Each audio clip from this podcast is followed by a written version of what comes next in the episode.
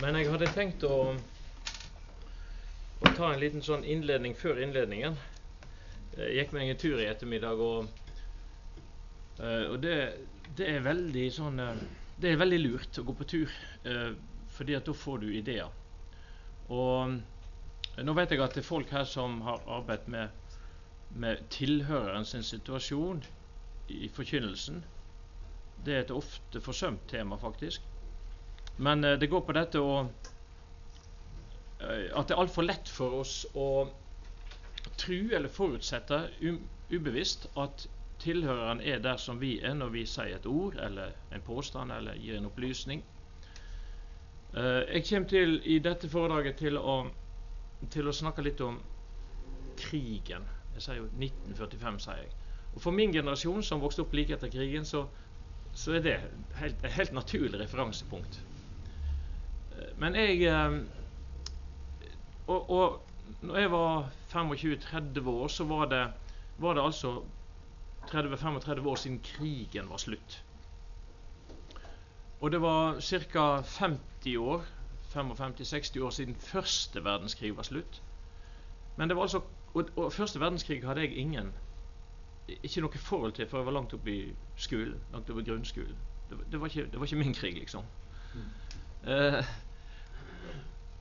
og Likevel så var den første verdenskrig nærmere meg i min ungdom enn annen verdenskrig er for dere som nå er i 20-åra.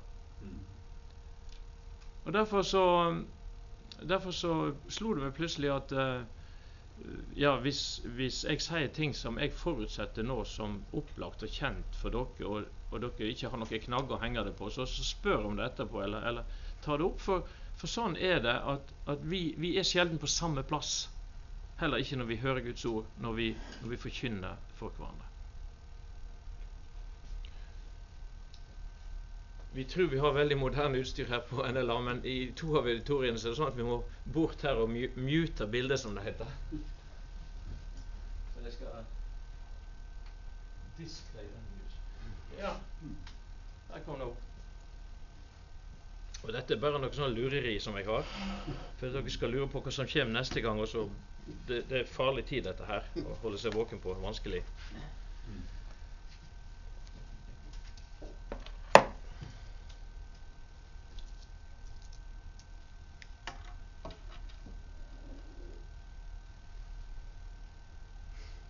forkynninga tidløs og aktuell. Tidløs, men aktuell.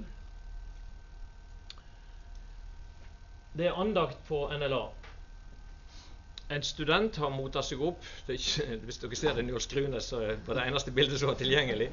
Eh, eh, men, eh, men, altså i, i, dette tilfellet som jeg tenker på, så er det en student som har mottatt seg opp til å andakte. det skjer jo ikke så ofte, så det setter vi stor pris på når det skjer. Og når det først skjer, eh, så har de mye på hjertet. Eh, det er ei stadig kjelde til forundring forresten å oppdage hvor få hemninger de unge har til å holde lange andakter. Det var ikke et apropos til dagens åpning. Og budskapet er var den dagen som jeg tenker på um, det gamle, tidløse, sier vi gjerne. Tidløse. Og I denne andakten handler det om å fatte djupnene i Guds kjærlighet mot oss i Jesus. Men en stad ute i andakten så skifter studenten fokus. Tidsperspektivet blir også et annet. Enkelt sagt ifra Gud gjorde til Gud gjør. Hva Gud vil og kan gjøre i mitt liv, og de konsekvenser det har for meg. Og Der og da så slår det ned i meg mens jeg sitter der som tilhører. Nå ble dette en aktuell andakt. Temaet var det samme, men nå ble dette en aktuell andakt. Nå utfordrer han meg. Har jeg dermed sagt at um, den første delen, før han kom dit, bare var en litt for lang, en litt for lang innledning til den andre og mer aktuelle delen? Var det noen som helst sammenheng mellom temaet, eller det som jeg oppfatter som temaet, og aktualiteten? Det er dette vi skal prøve å reflektere litt over i denne første timen. Og Temaet kunne for så vidt formuleres på, på mange ulike og samtidig like meningsfulle eller i og for seg meningsløse måter. Som når vi spør Skal forkynninga være tidløs, men aktuell? Eller skal den rette forkynning kanskje være tidløs og aktuell? Eller snakker vi faktisk om alternative posisjoner, der vi måler forkynninga etter om hun er tidløs eller aktuell? Hvis um, det siste er problemstillinga, så var jo valget for den, det vi kaller den solide, konservative forkynnelsen lett, ikke sant? Da ville vi være dømt til forvisning i det tidløse. Og det er en krank lagnad, egentlig. Men først må vi spørre har vi nå et avklart forhold til hva disse ordene betyr? Eller bruker vi også slike ord ureflektert, ukritisk og kanskje da feil? Først litt om aktuelt. Det kom noen til Jesus som vi spør om dette er avklarende. Det kom noe til Jesus som ville ha et aktuelt ord ifra ham. Er det rett å svare skatt til keiseren?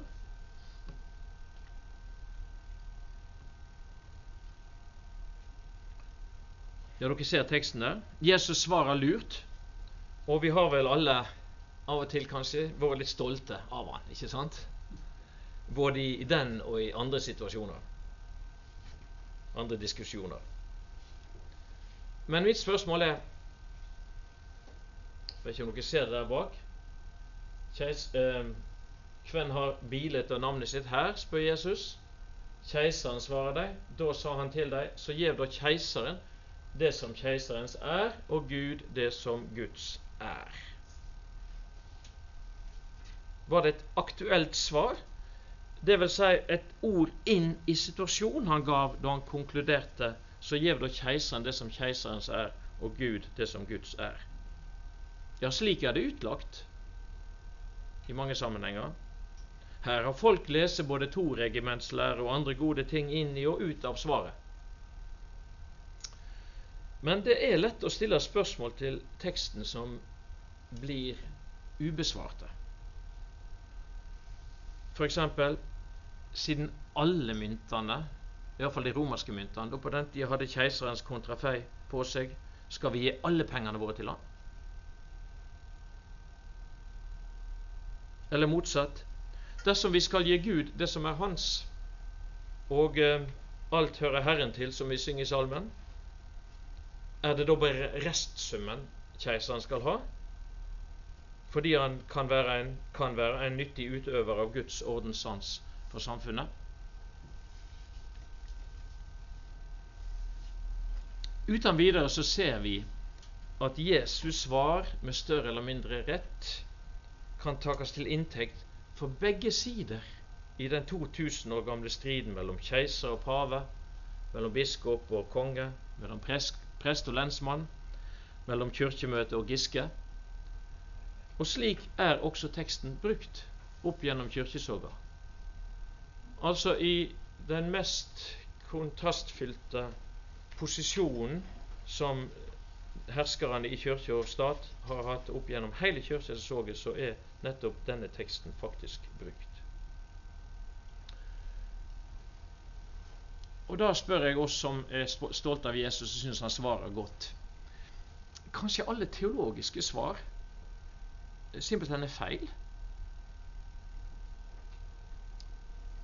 Jeg har tenkt, og jeg tror jeg har støtte i teksten, på dumme lurespørsmål så får du bare kloke luresvar. Svaret stilte spørjeren i villreie. Akkurat nok til at han i alle fall forsto å passe sine egne saker. Jesu aktuelle svar var at han ikke kunne brukes til det formålet spørjeren hadde. Strengt tatt så er det det eneste vi med stor sikkerhet kan si. Så sier jeg ikke at vi ikke kan utlede noe annet, for ord står jo også i en sammenheng da. Men Jesu aktuelle svar var at han ikke kunne brukes til formålet. Ikke den gangen, i alle fall. For spørjeren kom med gale intensjoner, og i det stykket er alle synoptikerne, altså de, alle de tre første evangelier, helt enige når det gjelder denne historien. Det var litt til ordet 'aktuelt'. Så til ordet 'tidløst'.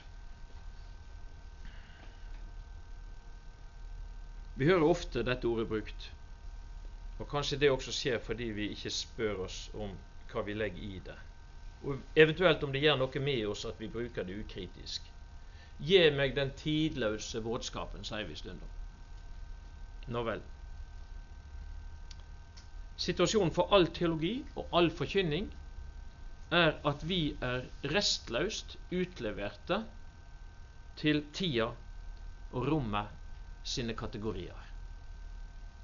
Altså restløst, det betyr uten rest. Vi er ut, fullt ut og bare utlevert til tida og rommet sine kategorier. All teologi, all forkynning er det. Vi er utleverte til antropologiske, dvs. Si menneskelige begrensninger, også når vi snakker om guddommelige ting. Med det mener jeg ikke å si at trua er menneskeskapt, men i en viss forstand er teologien det. For når vi snakker om det som ikke kom opp i noe menneskehjerte, så bruker vi fremdeles menneskelige måter å uttrykke det på. Vi har ikke noe annet. Vi har ikke noe annet å bruke. Derfor så er ingen forkynning tidløs, men hun kan romme noe som er fullt av tid, breddfullt av tid, bare tid, fordi vi tror det er gyldig til alle tider. Det hender, skrev Lukas, faktum est, et uttrykk vi liker godt. Nå i disse dager, heter det i hebreerbrevet, når de skriver om det tidløse nå, i disse dager. Ordet vårt menneske, sa Johannes. I dag, om det hører hans røyst. I dag, om det hører hans røyst, står det i brevbrevet. Tidløst? Tvert imot. Aktuelt? Ja, men ikke før det blir forkynt slik at det treffer et menneske av levende kjøtt og pulserende blod, og ikke et lik av en tilhører.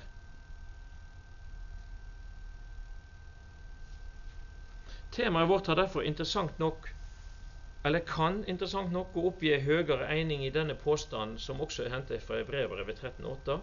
Jesus Kristus er i går og i dag den samme, ja, til evig tid. Et merk, ikke et merkelig, men et spesielt uttrykk når vi grubler over hva det blir sagt der.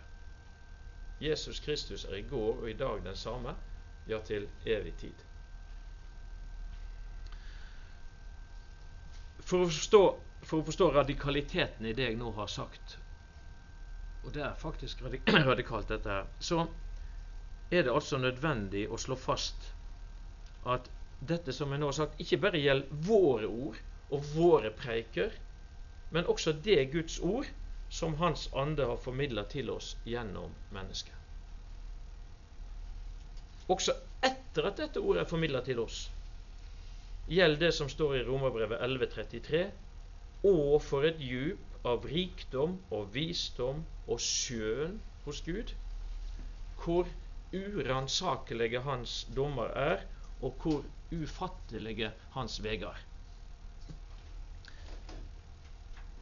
Jeg iler til med å si at dersom noen av dette skulle høre en grunnleggende skepsis til ordet si meningsbærende evne, så hører de feil. Det er, ikke, det er ikke det jeg sier.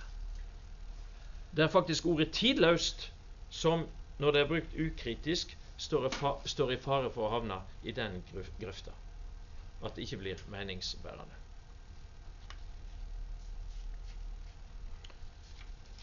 Det var første delen av tre. Den andre delen handler om aktuell preike, eller aktuell forkynning. Og da skal vi nettopp tilbake til slutten av krigen, som jeg sier. Andre verdenskrig. På Presteforeningens generalforsamling i 1945 var en yngre teolog, bergenseren Ole Sæverud, invitert til å tale om aktuell preken. Vi kan jo både beundre og støkke over temaet aktuell preken 1945. Årstallet altså tatt i betraktning. Vanligvis, sa Sæverud, mener en at ei preik er aktuell når den er sterkt, sterkt, sterkt farga av tiden og situasjonen. Ei preike blir sett på som aktuell når den tar fatt på saker og ting i verden som menneskene akkurat i øyeblikket strider med, eller på annen måte er opptatt av. Det er ei kjensgjerning sier han at under okkupasjonen så tvang den aktuelle preken seg inn på oss med en styrke som aldri før. Men så kommer etterkrigstidas aktualitet med sine nye krav til preika, bare enda mer varierte enn under krigen. Og så var hans spørsmål omtrent slik som jeg har fått i dag. eller det spørsmålet han har fått. Kan vi så preike aktuelt uten å ta noe ifra den oppbyggelige preika? Kan vi preike aktuelt uten å ta noe fra den oppbyggelige preika? Og Jeg skulle jo ønske at han også talte for oss og for kirka i 2007, når han grunngjev dette spørsmålet slik. slik. For enhver vet med seg selv at det er forkynnelsen av den evige frelse i Kristus som er vår ene hovedsak, og dog brenner også det andre i oss som et kall fra Gud. Det var spesielt denne begynnelsen av setningen. For enhver vet med seg selv at det er forkynnelsen av den evige frelse i Kristus som er vår ene hovedsak. Slo han fast som en opplagt forutsetning for seg sjøl og alle tilhørende. På dette grunnlaget så kunne han ha valgt å tolke oppdraget sitt til å kaste lys over spenningsforholdet mellom oppbyggelig og aktuell preike, sier han. Slik som det kanskje også har oppfattet temaet mitt i dag, er oppgaven min å kaste lys over spenningsforholdet mellom oppbyggelig og aktuell preken.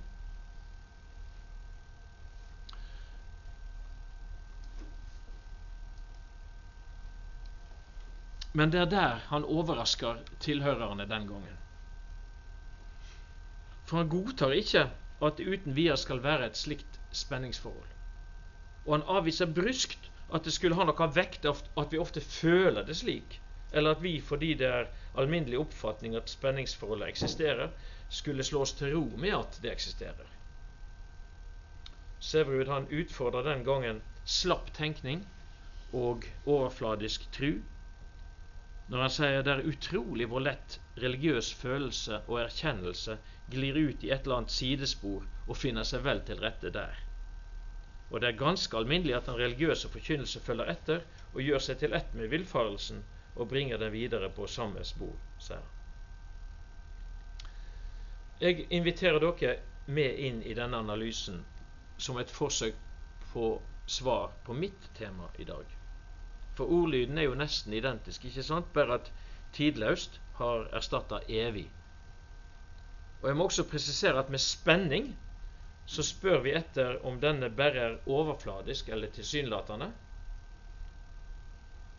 Altså hvis det er ei spenning, er den bare overfladisk eller tilsynelatende? Eller er det en vesensforskjell på det tidløse og det aktuelle?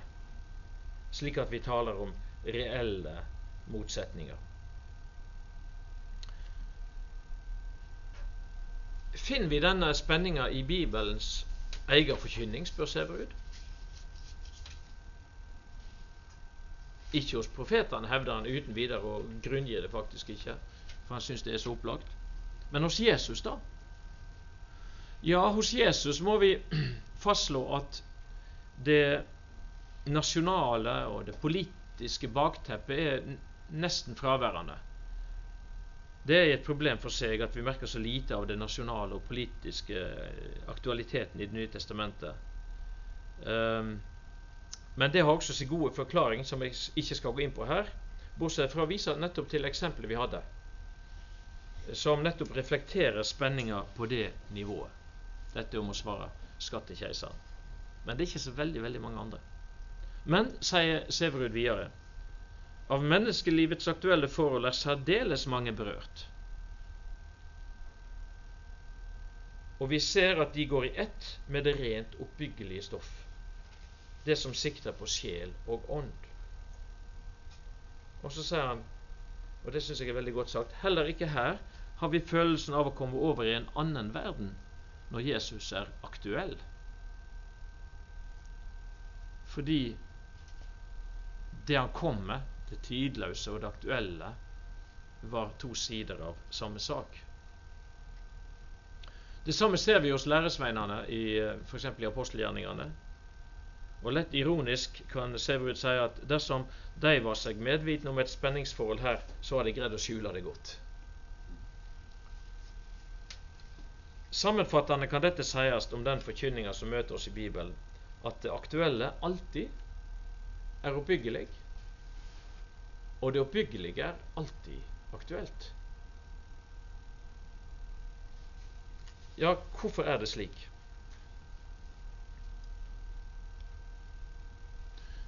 Jo, fordi ethvert Guds ord i Bibelen er Guds eneste ord i den gitte situasjonen. Det er ikke slik at Jesus og apostlene eller profetene møter oss når vi har et problem, eller de som de møter med sin aktuelle situasjon. Jo, nå skal dere høre.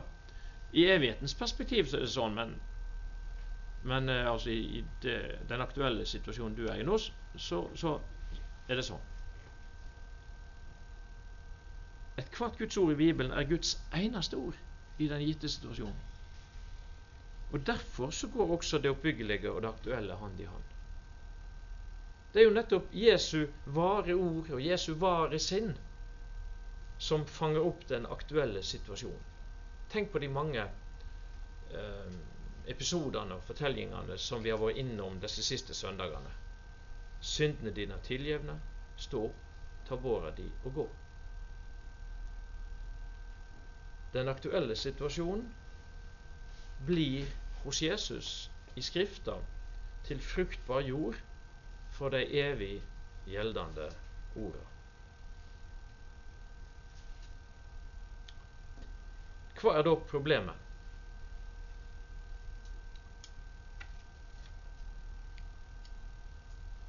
Dersom det er slik som jeg nå har sagt, hvor i all verden har vi det da ifra at vi kan lage så dårlige overskrifter som jeg har fått, eller valgt sjøl for denne timen? For, for, for problemstillinga faller oss helt, helt naturlig i, i sinnet.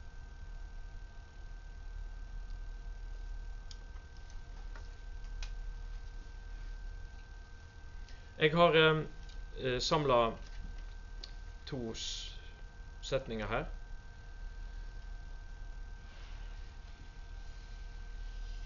Jeg kan forstå det. Vi kan komme tilbake til de. Er det et spenningsforhold her? Hva er problemet?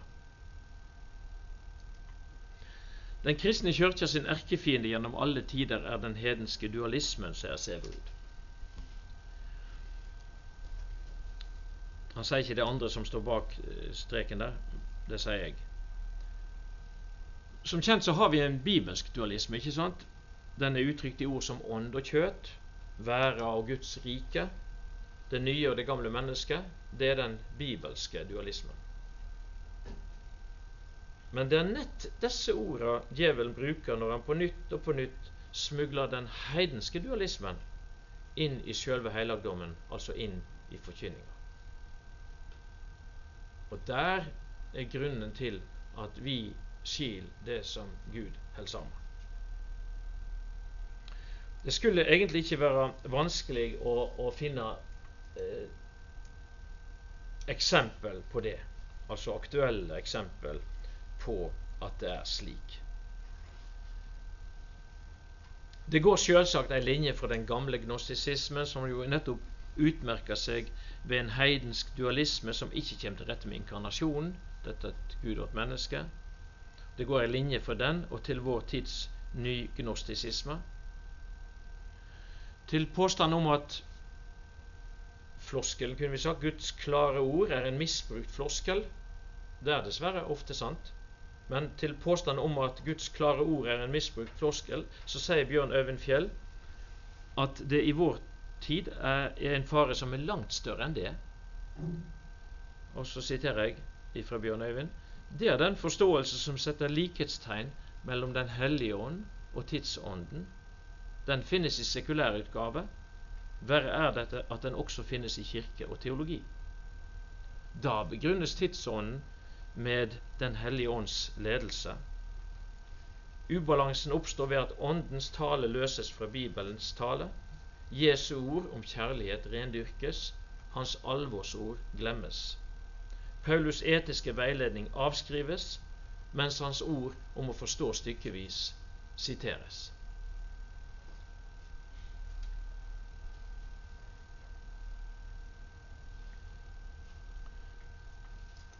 Motsatt så kan vi si at den kristne dualismen, altså den rettkomne bibelske dualismen, den fører til nærkamp for oss i verden i mennesket med Gud.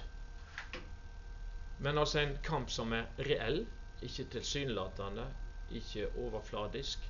En som ikke beveger seg i, det, i, det, i ideenes vær, men i det livet vi lever og kjemper her. Ole Severud han formulerte seg om lag slik. Han sa aktualitet aktualitetskriteriet er ikke bare et tilbygg, et anneks i homilitikken, altså i preikelæra. Altså etter at du har lagt ut, fortolka og forkynt, så kommer du til den, nå må jeg gjøre det aktuelt.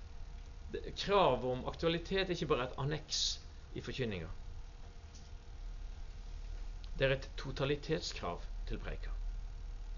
Han illustrerte dette med det som skjer i en sjelesorgsituasjon.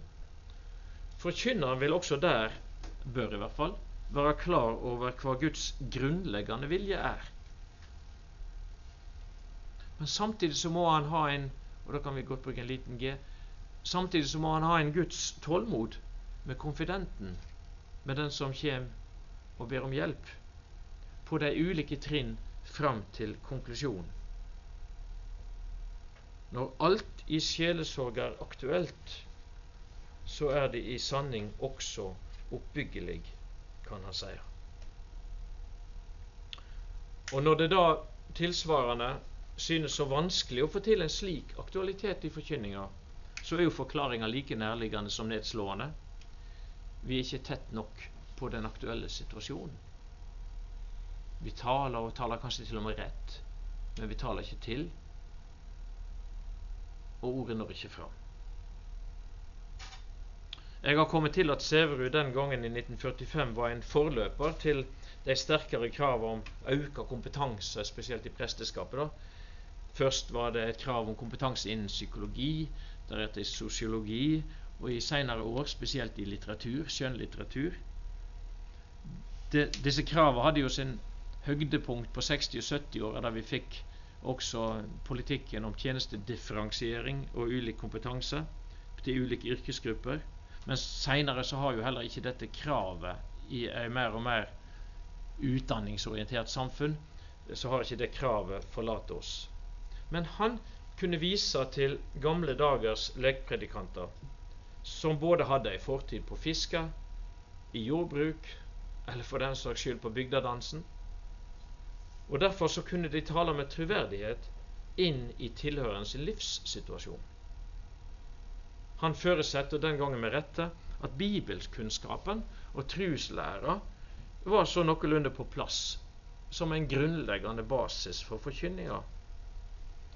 Men sett at vi i dag må snu saka 180 grader rundt, altså ikke helt rundt, men 180 grader, og, og si at i dag er vi kanskje sterke på det aktuelle og mindre sterke både som talere og som tilhørere på det grunnleggende, så blir ikke synspunktet hans galt av den grunn. Det blir ikke mindre rett om vi i dag dessverre altså må registrere at saka må snues 180 grader. Universitetsteologen, som han var kun i 1945, som den mest selvsagte ting, sier naturligvis skal preikene våre være teksttrugne. Det ligger der bare som en selvsagt forutsetning, det. Naturligvis skal prekene våre være teksttruende. Aktualitetskravet, det å kjenne tilhøreren sitt liv og hans hender tarv og trong, må takes på alvor nettopp fordi det rører ved den innste kjernen i forkynninga. Og denne kjernen er budskapet om synsforlating for Jesus skyld, budskapet om den ufortjente nåden ved trua åleine. Det var derfor Luther satte fyr på halve verden. Han forløste det som hadde vært ignorert. Som Paulus, som hos Paulus, så var verknaden overveldende. Det var som å sette fyr i tørt gras. Men hva skjer om vi bare har Luthers tale om igjen, omtrent som på stillelesning for ei sekularisert vær? Det er mine ord. Ja, hva skjer da? Ja, Dere vet jo hva som skjer om vi setter fyr på gras som ikke er tørt. Det blir bare sur røyk i nesen. Det blir ikke noe ild av det. Ja, det var bildet også Sevud brukte. Og hva mente han? Jeg aner at svaret rører ved neste tema i dag. Han sa den gangen, i 1945, den generasjonen vi preker for, har ikke arvet frykten og angsten og det ulidelige trykk av århundrers trelldom under loven, slik som Luthers generasjon. Den gangen var det en allmenn samvittighetsnød som Romerkirken ikke klarte å oppheve uten å gjøre jesuitter av sine folk. Og så merker jeg dette var i 1945, ikke i 2007. Etter fem år med angst i ufrihet, så spør taleren Tilstanden i dag får meg til å spørre om ikke nåden og evangeliet heller forkynnes for meget enn for lite.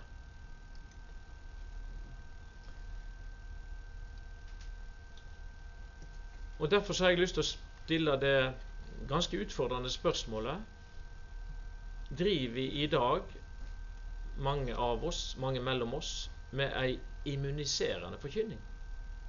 En forkynning som immuniserer istedenfor å åpne opp sinnet for ordet.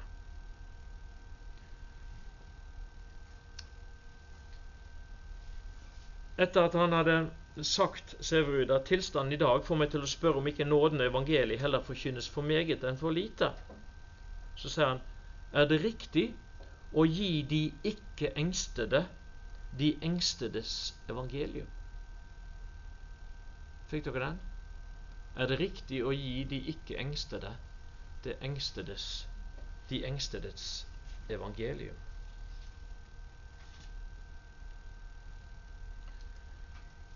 Ordet om den ufortjente nåden, det som vi i tankeløse stundom sier er alltid like aktuelt. ikke sant? Ordet om nåden er alltid like aktuelt. Det kan tvert imot vise seg å være allment uaktuelt. Ordet om nåden kan være allment uaktuelt. Fordi tilhøreren ikke lever med synserkjenning og ikke lever i og ved nådemidler. Som et apropos til ei nyss utkommen plate, plata 'Nåde' av Bjørn Eidsvåg, og argumentasjonen som han har gitt for den i utallige intervju, så kunne Sæverud slippe denne bomba. Det er ikke noe de fleste av våre medmennesker trenger så lite som nåde.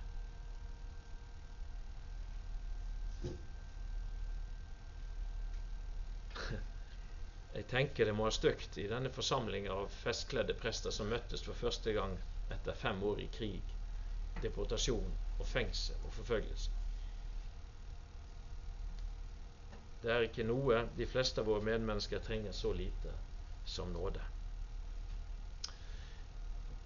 Ja, men evangeliet om synsforlating er, er jo vårt største klenodium, ikke sant? Strengt tatt, vi vet jo det, så er det ikke noe menneske trenger så mye som det. Men et klenodium det skinner ikke for andre enn de som har vært under lovens fordømming. Nå er jo prekestolen noe annet enn skriftestolen, og nådeordet må jo forkynnes for prekestolen. Det er klart. Men da tar vi med denne siste formaninga ifra Severud la oss da aldri gjøre det på denne anmassende måten som minner om handelsreisende for en vare som går dårlig. Og Det er det, den kjensla jeg ofte har stått med når jeg ved de store konfirmasjonene i bønn etter bønn etter bønn leser i dåpen, i dåpen, i dåpen gjorde du Gud. Og så blir det ikke applisert inn i et liv. Det er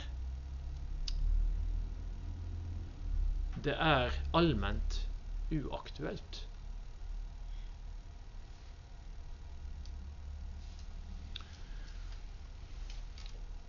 Derfor så kan loven trygt forkynnes, for den er alltid aktuell dersom den blir forkynt aktuelt. Da må ikke vi forveksle den setningen med det å kjefte på folk. Det, det, er ikke det det betyr når jeg sier 'forkynn loven'.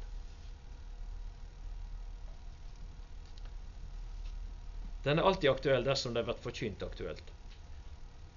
Og det, det gjør vi ikke dersom vi taler dogmatisk rett om en dom som folk ikke i det hele kjenner seg kreft av. Og Derfor så skal vi ikke bare forkynne lovens negative side, men også den positive, den som er et uttrykk for Guds uttrykkelige vilje for menneskelivet. Vi må forkynne Guds vilje for menneskelivet. Forkynne det også under protest. Og det er ei brennaktuell preik i dag.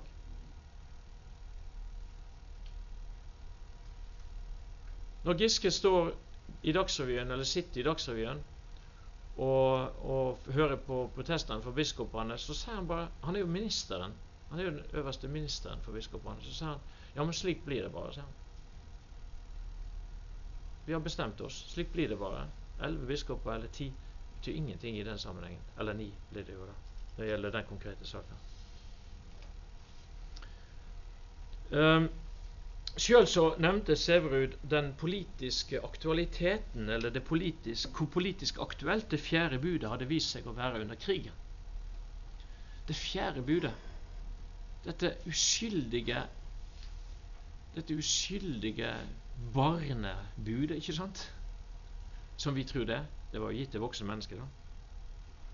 Men han sier det reiste seg som en mur som vi kunne kjempe med ryggen mot. Altså en mur som ga oss støtte i kampen. Det fjerde bud under, under, krigen reiste seg som en mur som vi kunne kjempe med ryggen mot. Og Derfor så gjør vi en stor urett mot samfunnet som Gud gav dette budet til, om vi på nytt sender det tilbake til barnerommet, kunne han si.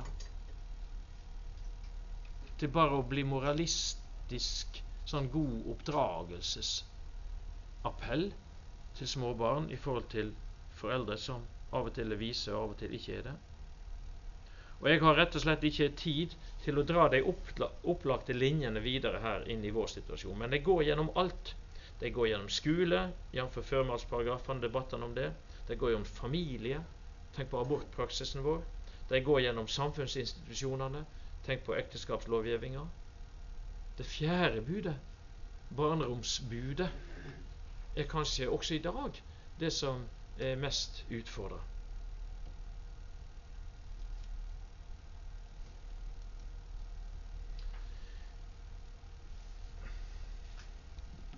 For noen dager siden så var jeg i snakk med en lærd mann som har arbeidet mye med gudsbildet i Bibelen, og særlig i Det gamle testamentet. Han viste til radioandaktene og slik de har utvikla seg de siste åra. Jeg hører nesten aldri disse, det er av helt praktiske grunner og ikke prinsipielle grunner. Eh, men en tidligere kjær medarbeider ved NLA, Jon Steinar Jacobsen, han analyserte jo disse under et lengre sykeleie for drygt ti år siden. Eh, så analyserte han radioandakter og preiker. Og de alarmerende funnene han gjorde da, de har dessverre ikke ført til noen diskusjon. Og situasjonen er jo ikke blitt bedre, heller verre på den fronten. Men dersom forkynninga sin grunnstemning, slik som den ofte møter oss i disse andaktene, er at Gud er ok, og jeg er ok, og derfor så passer vi godt i lag, så har det et uløselig dilemma som konsekvens. Et helt uløselig dilemma som konsekvens, nemlig dette. Dersom Gud ikke holder dom i mitt liv, da gjør han det heller ikke i andres liv. Altså Vi må tale sant om Gud. Han, han opptrer ikke sånn på en måte og overfor et annet menneske på en annen måte. Dersom Gud ikke holder dom i mitt liv, så holder han ikke dom i andres, andre menneskers liv heller. Ikke i Norge, og ikke i Rwanda. Det som skjer når den kule guden gjør sitt inntog, det er at vi ikke har ett ord til de som lider grov urett i dette livet. Ikke engang et trøstens ord om livet etter dette. For er det bare somme synder Gud er vrei på? Nei, ikke det engang, for den vreie Gud er jo avsett. Dilemmaet er altså at vi får en ubrukelig Gud, og vi får et flatt det jeg i mangel av bedre ord kaller et flatt gudsbilde. Og Da skjer det noe interessant med tilhøreren. Den mest aktuelle preiker blir ikke aktuell. Altså den mest aktuelle. En kan gå på jakt etter hva en vil, alt fra gasskraftverk til, til CO2-utslipp eller, eller, eller, hva det nå er. Den mest aktuelle preiker blir ikke aktuell, men triviell. Den gjev ingenting, og krev heller ingenting. Slik blir evangeliet, for dette blir ofte framstilt som evangelium, Guds ord, slik blir evangeliet til moralisme. Og da har de bomma allerede før det går ut ifra preikeren sin munn. Det blir tala mye om å være i Herrens hender, ikke sant? når dagen gryr i øst, og når sola går ned i vest. Men ifølge Skrifta det ingenting som er så farlig som å være der. For den som ikke vender om.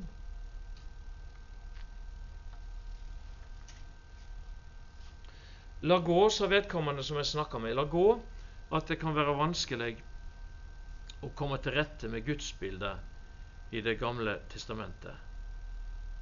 Men det er en levende Gud vi møter der. En som engasjerer seg i mennesker. En som holder dom over synder. En som også der viser miskunn, slik som vi møter det i søndagens preketekst for Daniel, og det er på bots- og bededagen der det står For det er ikke i tillit til våre rettferdige gjerninger at vi bærer våre audmjuke bønner fremfor deg, men i tillit til de store miskunn. Herre, hør. Herre, tilgi. Herre, gi akt på vår bønn. Grip inn. Dryg ikke. For de eiga skyld, min Herre, min Gud. For navnet ditt er nevnt over byen din og folket ditt. Det er en interessant iakttaking, dette. Den humanistiske guden er selvsagt som alle mennesker maktesløs.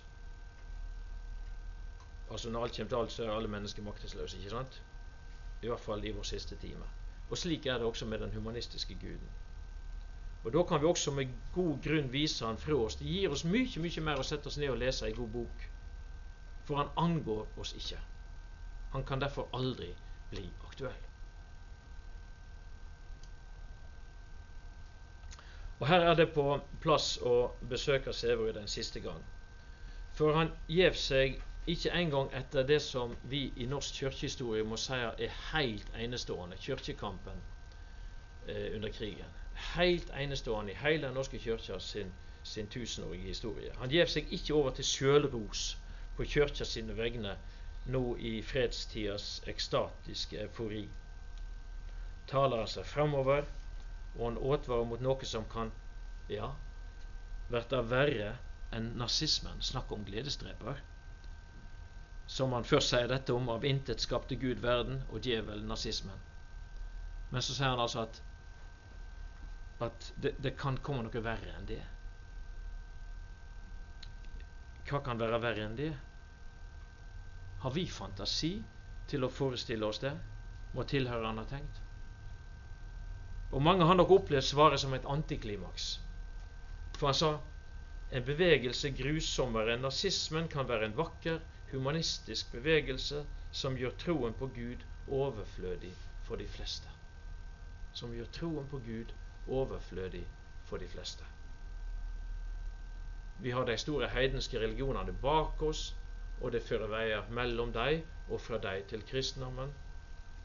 Men fra kristendommen bærer det rett ut i det store, åndelige ingenting, sier Severud.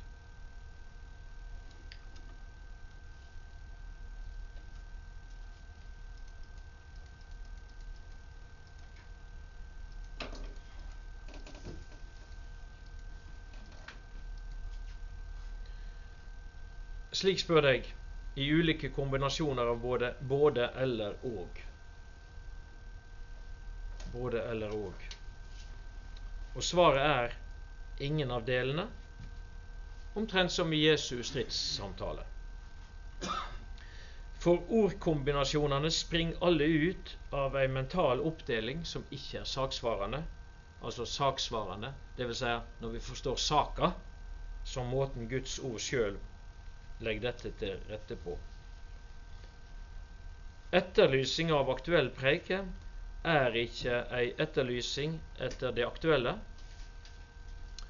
men etter hele preika. Som lov og evangelium. For der er det tidløse og det aktuelle holder sammen.